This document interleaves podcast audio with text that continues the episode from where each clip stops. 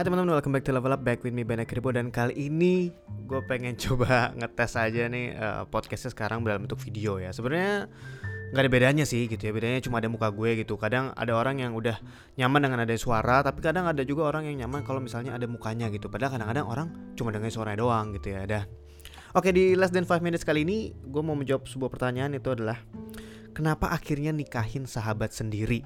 Ya, ini sebenarnya bukan pertanyaan tentang self improvement atau gimana sih, sebenarnya lebih kayak pertanyaan curhat kali ya. Jadi, tapi nggak apa gue akan coba jawab gitu dalam 5 menit.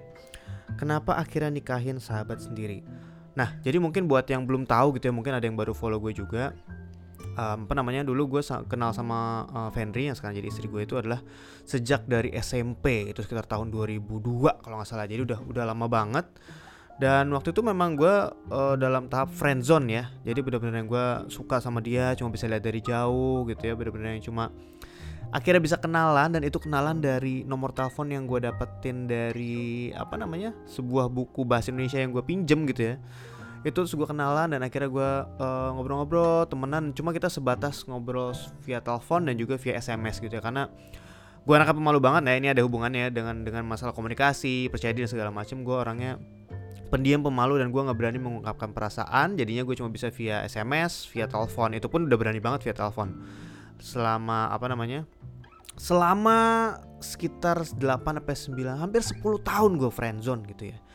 Jadi selama itu um, kalau kalian mau lihat cerita lengkapnya sebenarnya bisa lihat ke Benabuk ya di di buku Benabuk yang mungkin sekarang sudah susah, susah dicari gitu ya. Itu ada cerita perjalanan gue dengan uh, Fenry yang sekarang jadi istri gue gitu. Dan setelah 10 tahun akhirnya gue udah lebih percaya diri gitu ya karena gue udah udah bangkit juga dari blog uh, percaya diri sudah makin bagus komunikasi makin baik gitu ya.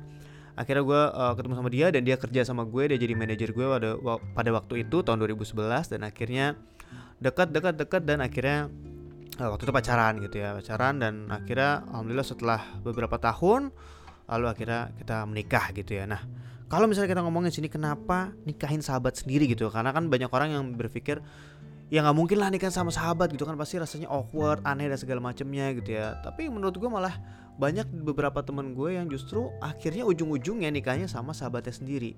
Kenapa gitu? Karena justru malah gue melihat dari sisi positifnya adalah dengan sama sahabat lu sendiri ya mungkin memang apa namanya kadang-kadang terlihat awkward gitu ya. Kayaknya eh nggak enak banget tuh kan tiba-tiba yang setiap hari sering lo lihat terus ternyata lo sama dia juga gitu kan yang biasa lo sering kata-katain sering lo apa sih aja ribut dan segala macam tapi ternyata ujung-ujungnya sama dia gitu ya. Nah benefitnya adalah karena sama sahabat sendiri itu lo udah cukup tahu banget nih sebenarnya dia orang seperti apa gitu loh. Dan dan karena awalnya nggak apa namanya nggak nggak ada PDKT yang gimana gimana gitu ya. Sebenarnya PDKT cuma kalau misalnya sahabat itu kan awalnya kayak berasa temen gitu. Dan saat lo berasa teman lo kayak nggak ada filter lo nggak ada yang hal yang terlalu dipendem banget gitu kan. Beda kalau orang PDKT kan lo apa namanya pasti uh, jaim dong jaga image kan. Lo nggak pengen gimana gimana gitu kan nggak pengen ketahuan dan segala macem. Yang akhirnya terus setelah menikah baru tahu nih oh ternyata orang begini orang begini gitu. Syukur-syukur saling bisa menerima ya. Cuma kan takutnya jadi ribut dan segala macem gitu ya.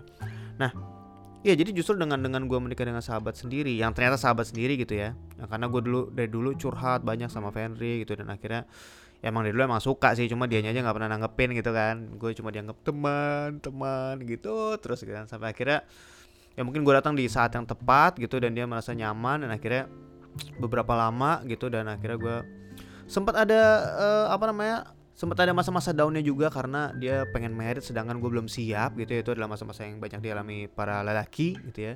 Cuma akhirnya uh, alhamdulillah gue siap siap gitu kemarin tahun 2016 dan akhirnya menikah gitu ya. Dan setelah menikah ya alhamdulillah karena uh, gue udah kerja bareng dan sudah tahu dia sebagai sahabat gitu ya. Dan dia juga curhat tentang mantan mantannya dulu sama gue dan gue juga curhat tentang mantan mantan gue sama dia. Jadi kita sudah ibaratnya udah udah dalam 100% tuh udah udah lumayan tahu banget lah tentang uh, plus minus dari masing-masing uh, diri kita gitu dan dari situ akhirnya setelah menikah ya jadinya lebih proses mengenal dirinya jadi udah lebih nyaman aja sih buat gue gitu ya. Nah ini mungkin gue nggak bisa ceritain panjang-panjang karena ini sebenarnya biasanya dari pihak cewek nih yang biasanya bakal lebih banyak bercerita. Kalau pihak cowok sih intinya adalah ya gue dari dulu emang udah suka nih kayak gue pengen kejar gitu kan dan gue nggak percaya sama orang-orang yang bilang uh, apa namanya friendzone ya udahlah kok friendzone lu nggak bakal bisa keluar dari friendzone enggak gue membuktikan bahwa dalam 9 tahun sampai 10 tahun akhirnya gue bisa keluar dari friendzone dan beneran bisa mendapatkan seseorang yang gue inginkan gitu Oke kira-kira gitu aja sih. Jadi buat kalian mungkin yang ternyata deketnya sama sahabat sendiri gitu ya Dan selalu mungkin pernah ngerasa Kayaknya gue gak mungkin deh. Masa gue jadian sama sahabat gue sendiri? Masa gue nikah sama sahabat gue sendiri? Tidak ada yang tidak mungkin teman-teman. Kalian bisa jadi gitu ya gak sadar Ternyata jodoh kalian selama ini adalah orang yang paling deket sama kalian Which is sahabat kalian sendiri. Hmm gitu ya. Oke Thank you buat pertanyaannya. Ini gue lupa dari siapa, pokoknya ada yang nanya tadi gue udah sempet uh, catat. Kira-kira gitu aja podcast kali ini. Thank you guys for listening. And kalau ada pertanyaan bisa ke DM di Instagram @benakribo atau DM atau kirim email ke benakribo@gmail.com. And see you guys in next podcast. Bye bye.